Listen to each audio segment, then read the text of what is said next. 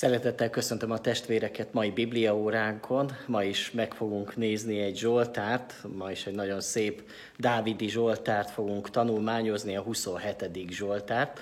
Mielőtt erre sor kerülne, szeretnék néhány aktuális hirdetést megosztani a testvérekkel. Ahogy vasárnap is elmondtuk, ezen a vasárnapon, tehát a ránk következendő vasárnapon megnyitjuk imaházunkat, így lehetőség nyílik arra, hogy újból személyesen találkozzunk, és részt, vegy, részt vegyünk a, az Isten tiszteleten.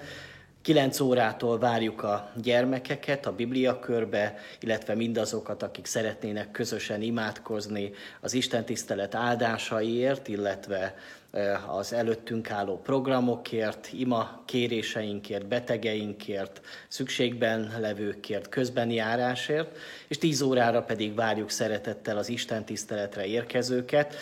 Továbbra is fenntartjuk azokat a járványügyi előírásokat, amik érvényben voltak a őszi időszakban is, hogy kérjük a testvéreket, hogy maszkat, maszkot hozzanak magukkal, a kézmosásra is figyeljenek, a bejáratoknál elhelyezett kézmosókat használják, tartózkodjunk a készfogástól, a testi érintkezéstől, és igyekezzünk távolságot tartani az alkalmon és így lehetőség lesz majd a nagy teremben és a középső teremben, illetve a hátsó teremben is követni az interneten, és az interneten is az Isten tiszteletet. Délelőtt és délután is tartunk Isten tiszteletet. Az idősebb testvéreket kérjük, hogy inkább a délutáni alkalomra jöjjetek el, amikor kevesebben lesznek majd az alkalmon, de a délutáni Isten tiszteletet is közvetíteni fogjuk majd az interneten.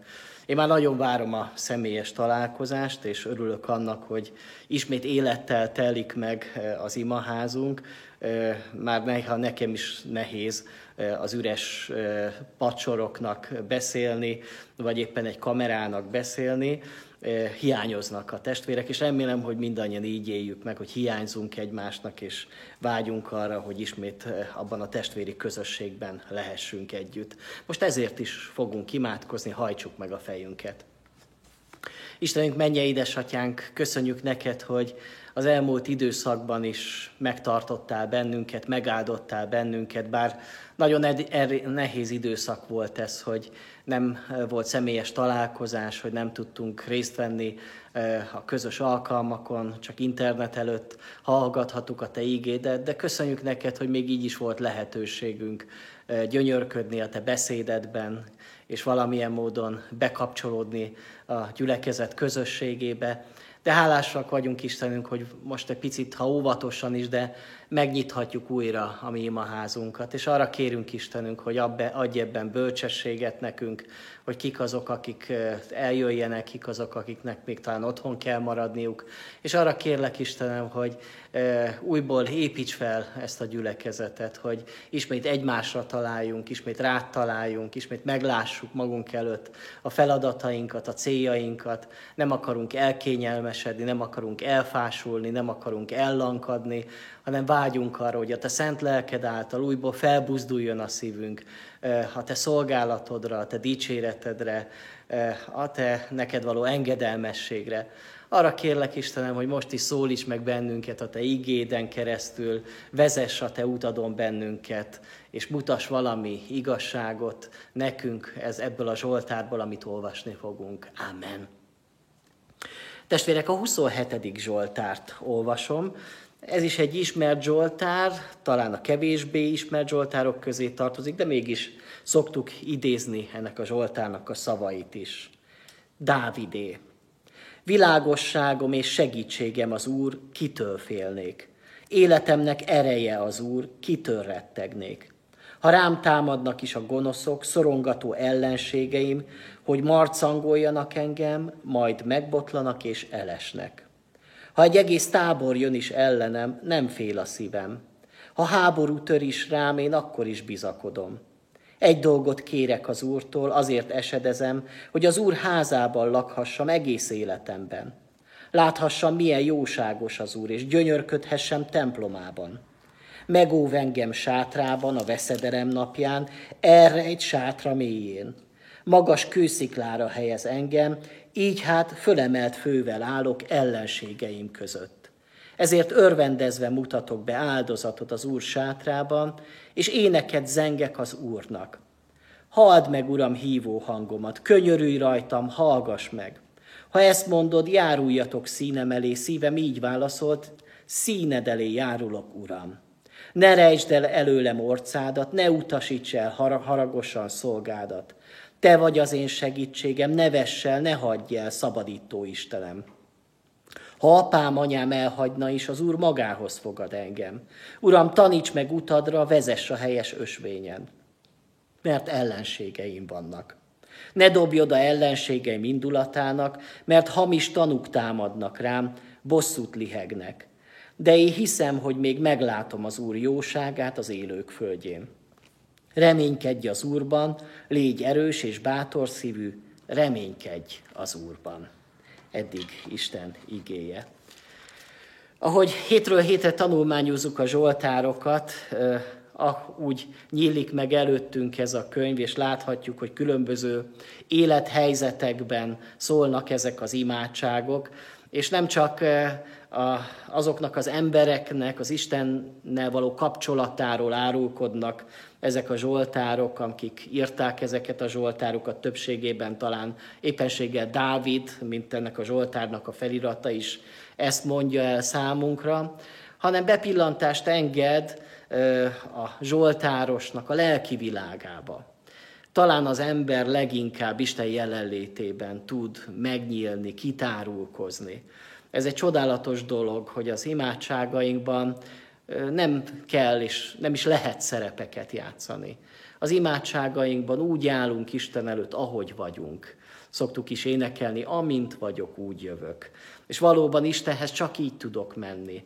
Ami bennem van, amit érzek, amit gondolok, ami hatással van rám, azt tudom elmondani az én Istenemnek. De az Isten pontosan arra kíváncsi, és ez az imádságnak az áldása, hogy, hogy az Isten előtt kiönthetem az én szívemet. Azt gondolom, hogy a mai embernek az egyik legnagyobb problémája, hogy nem tud imádkozni, hogy elfelejtett imádkozni, vagy nem akar imádkozni. Annyi sok feszültség, stressz és sok minden feszül az emberi lélekben, az emberi szív mélyén, amit néha kiönt a másik emberre, aki vagy meghallgatja, vagy nem hallgatja meg, de igazából bennünk feszül sok minden. Újból meg kell tanulnunk, és fel kell fedeznünk az imádságnak az erejét, hogy oda mehetek az Istenhez, és kiönthetem előtte teljesen a szívemet. Elmondhatom neki mindazt, ami engem foglalkoztat, ami engem dühít, vagy éppenséggel nekem örömöket okoz, és az Isten kész arra, hogy meghallgasson, kész arra, hogy végighallgasson, és kész arra is, hogy válaszoljon az én imádságaimra. És így tárulkozik ki előttünk Dávid az ő zsoltáraiban, és önti ki az örömét, de sokszor a panaszát. Ebben a Zsoltárban is egy panaszéneket olvasunk, bár a panasz mellett megjelenik ebben a Zsoltárban a hála is, megjelenik a dicséret is, és megjelenik annak a bizonyossága, a bizonyságtétel is, hogy Isten jelenlétében az ember szíve megnyugszik. Jó olvasni ezt a Zsoltárt is, és jó saját magunkra is érvényesíteni ezt a Zsoltárt. Mi, milyen élethelyzetben születik ez a Zsoltár? Mit árul el Dávid, amiközben leírja ezt a Zsoltárt? Kiderül, hogy ismét emberek támadják őt, és vádolják őt, és az életére törnek, és ebben a lelki állapotban menekül oda Istenhez Dávid. Itt arról olvasunk, hogy ne, ne dobj oda ellenségeim indulatának, mert hamis tanuk támadnak rám, bosszút lihegnek. Ellenségek veszik őt körül. És hogyha Dávid életét látjuk magunk előtt, akkor nagyon gyakran ő valóban emberekkel harcolt. Hosszú időn keresztül Saullal szembe, 13 éven keresztül, későbbiekben majd a saját fia ellen, Absalon ellen, de az életének más időszakában is nagyon kevés volt az a idő, amikor békességes volt az élete. Mindig voltak ellenségek, akik vagy a hatalmára törekedtek, vagy az életét akarták elvenni, vagy irítségből, vagy pedig gyűlöletből támadtak Dávidra.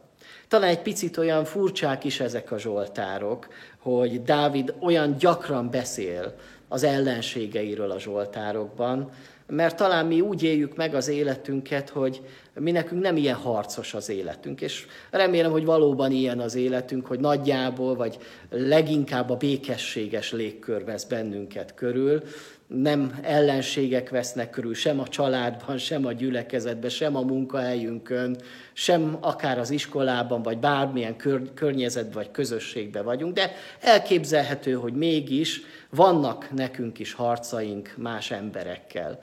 Valamikor a mi gyengességeink, a mi bűneink, a mi hibáink miatt, máskor mások rossz indulata okoz számunkra konfliktusokat. De ha igazából még mélyebben gondolkodunk saját életünkről, akkor mégiscsak rájövünk arra, hogy sok gondot okoz nekünk az emberi kapcsolatoknak a kuszasága. Néha épp a házastársak nem értik meg egymást, vagy elhű, elhidegülnek egymástól. Majd éppen vasárnap házasság hete kapcsán szó lesz majd ismét a házasságról, házassági konfliktusok megoldásáról, illetve arról, hogy milyen alapokon nyugszik a keresztény házasság, de nem mindig működik ez igazán a gyakorlatban vannak surlódások, vannak mosolyszünetek a házasságokban, vannak megnehezedül, megnehezült időszakok a házasságokban is.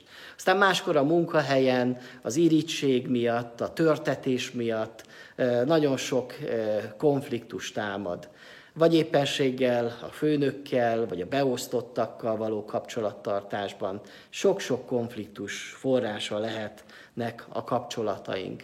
És valamikor nagyon leterhelnek bennünket, valamikor e, megszakadnak kapcsolatok, vagy szakadásig is elmennek ezek a kapcsolatok, vagy valamikor olyan rossz indulattal is találkozhatunk, amikor mások nekünk rosszat akarnak, vagy bosszút állnak nekünk, vagy keresztbe tesznek nekünk, és talán ezek az emberi életnek a legfájdalmasabb csalódásai. De nem csak fizikai ellenségeink vannak, nem csak emberekkel küzdünk az élet során, hanem nekünk keresztény embereknek tudjuk, hogy van egy még hatalmasabb ellenségünk, Eszünkbe juthat az Efézusi levél, amikor azt mondja, hogy nem test és vér ellen van nekünk tusakodásunk, hanem fejedelemségek, hatalmasságok a világ ítélő bíráival szemben, tehát magával a sátánnal, a sátánnak a, az angyalaival, a bukott angyalokkal és démonok seregeivel van nekünk harcunk, akik azt akarják, hogy mi nekünk ne legyen békességünk, hogy ne legyen örömünk, hogy ne legyen hitünk, hogy ne legyen kitartásunk, hogy meghátráljunk. Harcolunk az életünk során. De ezekkel a harcainkkal, amikbe benne vagyunk, amikből nem tudunk kimenekülni, mert egyszer majd vége lesz a harcnak, amikor vége lesz az életünknek, a mennyországban nem kell majd harcolni senkivel, sem angyalokkal nem harcolunk, sem az Istennel nem harcolunk, a sátánnal főleg nem harcolunk, mert ő nem lesz ott, illetve az üdvözültekkel sem fogunk harcolni, hanem tökéletes szeretetben fogunk együtt élni. Ezért már nagyon fontos, hogy már itt a Földön törekedjünk a békességre, ami rajtunk áll, amit nekünk kell megtennünk, amit mi tudunk megtenni, azt tegyük meg, hogy nehogy ilyen ö, megromlott kapcsolatokkal kelljen majd az Isten elé járulnunk. De amíg a földi életünk tart, addig való, valójában néha támadások vesznek körül. Néha így éljük meg az életünket, mint ahogy Dávid, hogy egy egész tábor jön ellenem, és akkor sem fél a szívem, ha háború tör is rám, én akkor is bizakodom. Hát remélem, hogy nem ilyen az életünk, hogy háborús, vagy éppen ellenségeknek a, a seregeit látjuk magunk körül, és azok támadnának ránk. És ebben az élethelyzetben, amikor Dávid tapasztalja az ellenségeket, tapasztalja a rossz indulatot maga körül, akkor mit tesz. És ez a Zsoltár is egy nagyon jó bizonságtétel, és egy nagyon jó tanítás arról, hogy hogyan kell nekünk cselekednünk, amikor mások rossz indulatával, mások ellenségeskedésével, vagy megjegyzéseivel, vagy, vagy gúnyos tekintetével, vagy rágalmaival találkozunk. Emberileg adódna az a válasz, hogy mi is bosszút álljunk, hogy mi is szemet szemért, fogad fogért el alapján, vagy éppenséggel a, a, a, a jogom van hozzá el alapján, meg hogy én nem engedem, hogy bárki bármit megtegyen velem, én is hasonlóképpen viszonzom a rossz indulatot. De hogyha rossz indulatra, rossz indulattal felelek, hogyha háborúskodásra én magam is háborúskodom, hogyha agresszióra agresszióval felelek, akkor vajon mikor lesz vége ennek a harcnak? Meddig fog ez eldurvulni, ez a konfliktus közöttünk? A megoldást Dávid találja meg, és Dávid nem csak, hogy elméletben tudja ezt a megoldást, hanem, hanem gyakorlatban is megéli ezt a választ az ő személyes életében. Úgy beszél a Zsoltár elejé, hogy világosságom és segítségem az Úr, kitől rettegnék, kitől félnék. Hogyha velünk van az Isten, hogyha tapasztaljuk az Isten jelenlétét az életünkben, akkor nem kell félnünk az ellenségektől. Világosságként írja le Istent Dávid. Miért is? Mert a, sötétség talán a félelemnek a, a, a, a jelképe, vagy szinonimája, vagy hasonlata. Talán mi is átéltük gyermekkorunkba, hogy féltünk a sötétségben, mert a sötétben nem látunk. És néha olyan neszeket, amiket hallunk, el is képzeljük, hogy vajon mi lehet a neszek mögött. Én emlékszem arra, hogy régen, amikor még nem voltam megtérve, és békétlenség volt a szívemben, és ráadásul mindenféle okkult dologba belemásztunk barátaimmal együtt, akkor én nagyon féltem a sötétbe. És voltak olyan esték, amikor nem mertem sötétbe aludni, csak amikor föl volt kapcsolva a villany, mert a sötétben valahol re- rengeteg sok ellenséget képzeltem el, nem bírtam aludni, nem volt békességem. És amikor arról beszél itt Dávid, hogy világosságom az Úr, akkor az azt mondja, hogy nincs sötétség, hogy látok magam körül mindent, hogy az Isten rávilágít dolgokra, és ahol a, a világosság megjelenik, ott a sötétség menekül. Nincs olyan, hogy a sötétség legyőzné a világosságot. Ha fölkapcsoljuk a villanyt, akkor, akkor egyértelműen eltűnik a sötétség. Nem győzi le, nem a sötétség fogja legyőzni a világosságot. Nincs olyan mélysége a sötétségnek, ami elnyelné a világosságot és a fényt. És ebben a Zsoltárban eznek a bizonyosságát éli meg Dávid, hogy az Isten velem van, és ezért nem kell rettegnem semmitől és senkitől az élet során. És jó, hogyha mi is így éljük meg, emlékszünk a vasárnapi ígére, amikor a tanítványok kétségbe estek a viharos tengeren, pedig ott volt velük Jézus Krisztus, bár aludt a csónakba, de velük volt. Ő nekik is eszükbe juthatott volna, hogy világosságom és segítségem az Úr, kitör félnék. Életemnek ereje az Úr, kitör rettegnék. Ők abban a helyzetben nem tudták megélni ezt az igazságot, hanem eluralkodott a szívükön, az érzéseiken, az indulataikon, a félelemnek az érzése.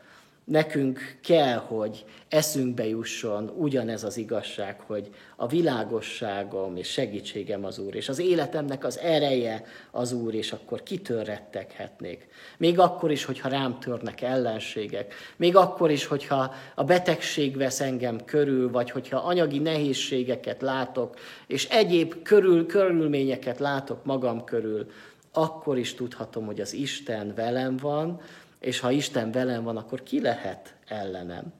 És aztán megfogalmazza Dávid azt a nagyon fontos igazságot, hogy amire igazából vágyik ebben a nehéz szorongattatott helyzetben, ebben a kilátástalannak tűnő szituációban, ő nem a körülmények megváltozásáért imádkozik. És nem is azért imádkozik, mint sokszor vannak ilyen, egy-két ilyen átok Zsoltárt azért találunk a Bibliába, hogy büntesd meg az ellenségeimet, hogy nekik rossz legyen, hanem azért imádkozik, hogy, hogy az Isten jelenlétébe kerüljön az ő élete. Mert hogyha az Isten jelenlétében van, akkor biztonságban van. Egy dolgot kér, kérek az Úrtól, és ennek a Zsoltárnak ez a legfontosabb üzenete, és ezt szeretném a testvérek szívére helyezni ezt az igazságot, és szeretném, hogyha ezen tudnánk aztán elmélkedni az este során még tovább a Biblia óra után is, hogy egy dolgot kérek az Úrtól, és azért esedezem, hogy az Úr házában lakhassam egész életemben. Egy dolgot kérek az Úrtól. Hát, hogyha mi valamit kérünk az Istentől, hát milyen kéréseink vannak nekünk az Istenhez. Sok mindent tudunk mi kérni. És hogyha az Isten azt mondja, hogy egy dolgot kérhetnél az Istentől, vagy egy dolgot kérhetnék én az Istentől, akkor mi az az első dolog, ami eszembe jutna? Nem biztos, hogy pont ugyanaz, mint ami Dávidnak eszébe jutott. Lehet, hogy én kérnék talán sokkal több anyagi dolgot, vagy kérnék tőle több egészséget, más dolgok is lehet, hogy eszembe jutnának, de hogyha mi őszintén most ezt a kérdést feltesszük magunknak, hogy mi az az egy dolog, amit igazán kérnél most az Istentől, akkor ezt magadban válaszold meg. És vajon miért kérte azt Dávid, hogy az az egy dolog, amit kér az Istentől, hogy hadd lakhasson az Úr házába egész életében. Miért? Azért, mert hogyha az Isten jelenlétében van, akkor minden megvan. Ugye igazából, amikor Márta és Mária történetében is hallhatjuk, hogy Márta aggodalmaskodik, és azt mondja neki Jézus, hogy Márta, sok mindenért aggódsz, pedig csak kevés dologra van szüksége az embernek, és tulajdonképpen egy dolog az, amire szüksége van az embernek. És vajon mi az az egy dolog? Az Isten közösség, az Isten jelenléte. Ha ez megvan, akkor minden megvan, ha ez nincs meg, akkor bármi meg lehet az életemben. Én szegény vagyok. Mit használ az embernek, ha az egész világot megnyeri, de a lelkében kárt val? Lehetek én a világ leggazdagabb embere, lehetek én a világ legsikeresebb embere, de hogyha nincs hitem, ha nincs kapcsolatom a Teremtő és megváltó Istenemmel, mit ér az számomra? Egy dolgot kérek az Úrtól, egy dolog éresedezem, hogy az Úr házában, az Úr jelenlétében lakhassam egész életembe, hogy gyönyörködhessem az ő templomában, hogy jóságos az Úr. Dávid az ő vágyát kifejezi olyan módon, hogy nem csak úgymond az Isten jelenléte után vágyódik, hanem egy konkrét hely után vágyódik, ugye akkor még templom nem volt, hanem a Szent Sátor volt, ahol, eh, ahol az Isten közel jön az emberhez. És ahogy Dávidnak a, a, a történetében láthatjuk a Sámuel második könyvében, annak a, a hetedik fejezetében, ott valóban olvasunk egy történetet, amikor Dávid bemegy az Úr jelenlétébe. Így olvasjuk a 18-as verstől. Ekkor bement Dávid király az Úr színe elé, leült, és ezt mondta. Ki vagyok én, ó Uram, és mi az én házam népe, hogy eljuttattál eddig, idáig, engem idáig. Sőt, még azt is keveselted, Uram, hogy, és a távoli jövőre is tettél ígéretet szolgált házának, ezzel is az ember tanítva, Uram, ó Uram. De miért beszélne tovább Dávid, hiszen te ismered szolgádat, Uram, ó Uram. Milyen fantasztikus dolog, ahogyan így leírja a Biblia, hogy Dávid templomot akar építeni, Isten kijelenti, hogy nem ő építi a házat majd, de mégis megnyugszik az ő szíve, úgy olvasuk, hogy bemegy Dávid király az Úr színe elé, és leül. Leül az Isten jelenlétébe. Ott a szent, szentébe beül az Isten templomába, az Istennek a sátrába. A legcsodálatosabb időszak, a legcsodálatosabb pillanata talán az életének. És erre vágyik Dávid ebben az időszakban, amikor üldözi az ellenség, amikor sok probléma veszi körül, és sok idegeskedés lehetne az ő életében, szeretnék oda menni az Isten templomába, az Isten szent sátrába, és beülni, és csak engedni azt, hogy az Isten jelenléte megnyugtassa az én szívemet.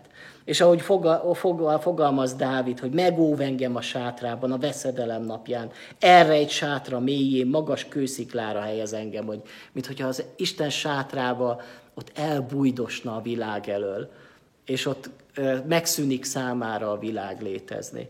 És testvérek, Számunkra nem kell talán fizikai helyre elmenni, hiszen otthonainkba is megtapasztalhatjuk azt, hogy, hogy az Úr házában lakozunk, hogy az Isten jelenlétében lakozunk. És mégis valahol egy fontos dolog, amikor az ember eljön az imaházba, egy megkülönböztetett helyen, olyan helyen, ahol mások is rajtam kívül, akik szeretik az Isten, jelen vannak, és ahol Isten igéje szól, ahol Isten dicséretei szólnak, ahol a közösségnek az erejét és örömét élem meg, ide vágyik Dávidnak a szíve.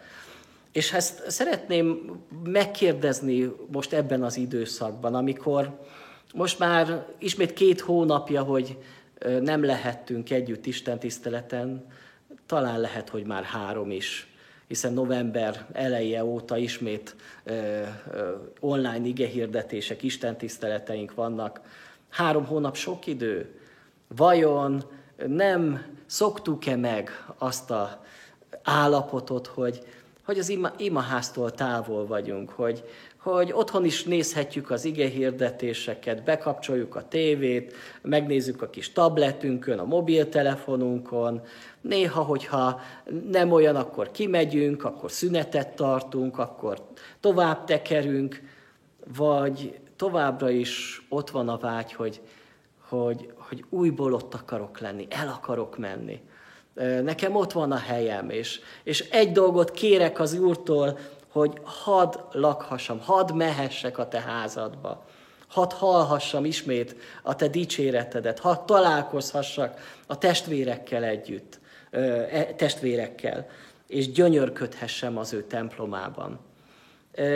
Ennek, hogyha nincs már ez a vágy a szívünk, és nem feszít bennünket, akkor valami probléma van velünk. És akkor kell imádkozni Istenem, hogy újítsd meg az irántad való vágyamat és a, a hozzád való hűségemet.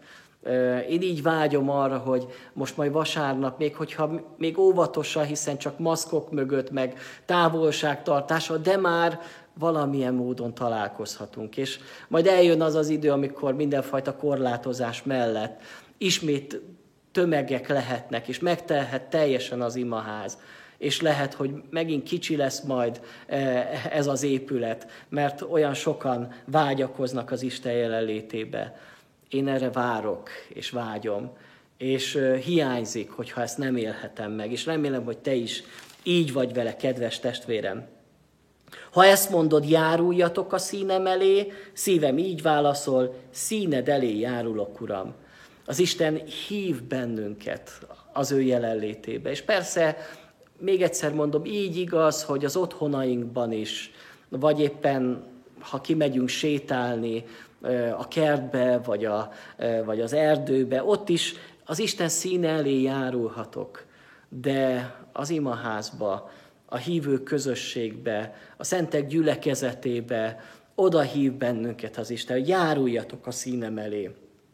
És akkor mit válaszol az én szívem, hogy, hogy a színed elé járulok, Uram, mert nem csak te vágysz erre a találkozásra, nem csak az Isten hív, és Isten vágyik arra, hogy velünk időt töltsön, hanem én is vágyom arra, hogy az Isten elé járuljak.